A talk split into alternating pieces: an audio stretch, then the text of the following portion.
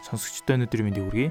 Өнөөдрийнхөө подкастын дугаараар бид нар хүний санаа бодлыг татахад хоолойны өнгө хэр зэрэг чухал байдгийг талаар ярилцахаар бэлтлээ. Хэрв та ямар нэгэн албан тушаал хашаад тушаал дэвшнэ гэж бодож байгаа бол ялангуяа олонний өмнө үг хэлээд олон хүнтэй харилцаж олонний санаа бодлыг өөртөө татахад ярьж буй дуу хоолойны өнгө маш чухал үүрэг гүйцэтгэдэг байна.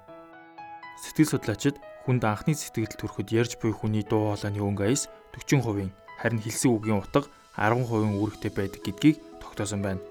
Дуу хоолойны өнгө аясаар ярилцах хүндээ ихтгэл төрүүлэн анхаарлыг нь татаж үгийн утгаа онцлон тууштай, найдвартай гэсэн итгэл өгч болдог.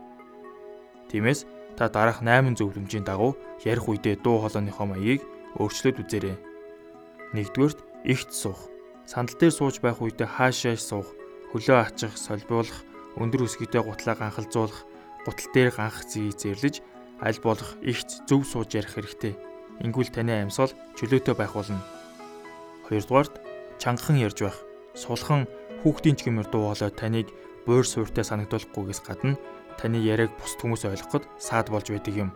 Ойр орчмын хүмүүсээс таны дуу үргэлж арай чангахан байх хэрэгтэй гэдгийг санаж байх хэрэгтэй. 3 дугаарт төрлөх хоолойныхоо өнгөөр ярихыг хичээх. Өөрийн төрлөх хоолойныхоо өнгөөр ярихыг хичээ. Бид голдоо дууны багтаамжийн нам суул хэсгийг хүүхэмсэг маягаар ийдэг болгодог.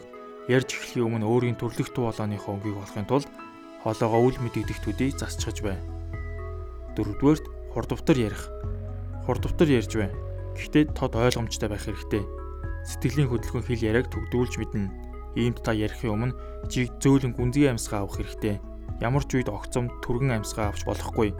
Ингүүл та амьсгалынхаа хэвийн химнэлийг алдагдуулна. 5 дугаарт өөрийгөө хөндлөнгөө сонсох. Өөрийн илтгэх үгэндээ бусдыг хуулбарсан үг хэллэг мөн утга давхарсан өгүүлбэр илүү сул үг орсон эсхийг илүүхийн тулд хэлэх үгээ магнитофонд бичээд найз нөхөдтөө хамт ажиллах хүмүүстэй сонсгож тэдний зөвлөгөөг сонс. Өөрийн дуу хоолойг хөндлөнгөөс сонсох нь маш ашигтай. Энэ үед та өөрийгөө бусад хүмүүсийн дүрд болон хамт олонныхоо эсвэл даргынхоо орон тавиад үзэх хэрэгтэй. 6 дугаарт зогсоогоор уцаар ярих. Утасны чухал дуудлагуудыг аль болох зогсоо байдалтай хүлээж авч байвал их сайн. Ингээд нөгөө хүн таны дуу хоолой их л хүндэтгэлтэй сонсогдох болно. 7 дугаарт цэвэр дуудлагатай болох.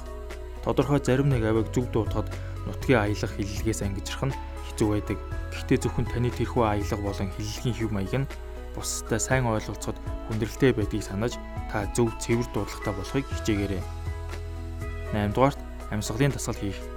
Ярих үед гунших, сөнгөдөх, цангинах зэргийг тусгай амьсгалын дасгалаар арилгаж болно. Ийм дасгал хийж эхлэхийн өмнө та мэрэгжлийн эмчид үзүүлж өөрийн дуу хоолойны тааламжийн өөрчлөлтийн шалтгаан нь юу болохыг олж тогтоолгох хэрэгтэй.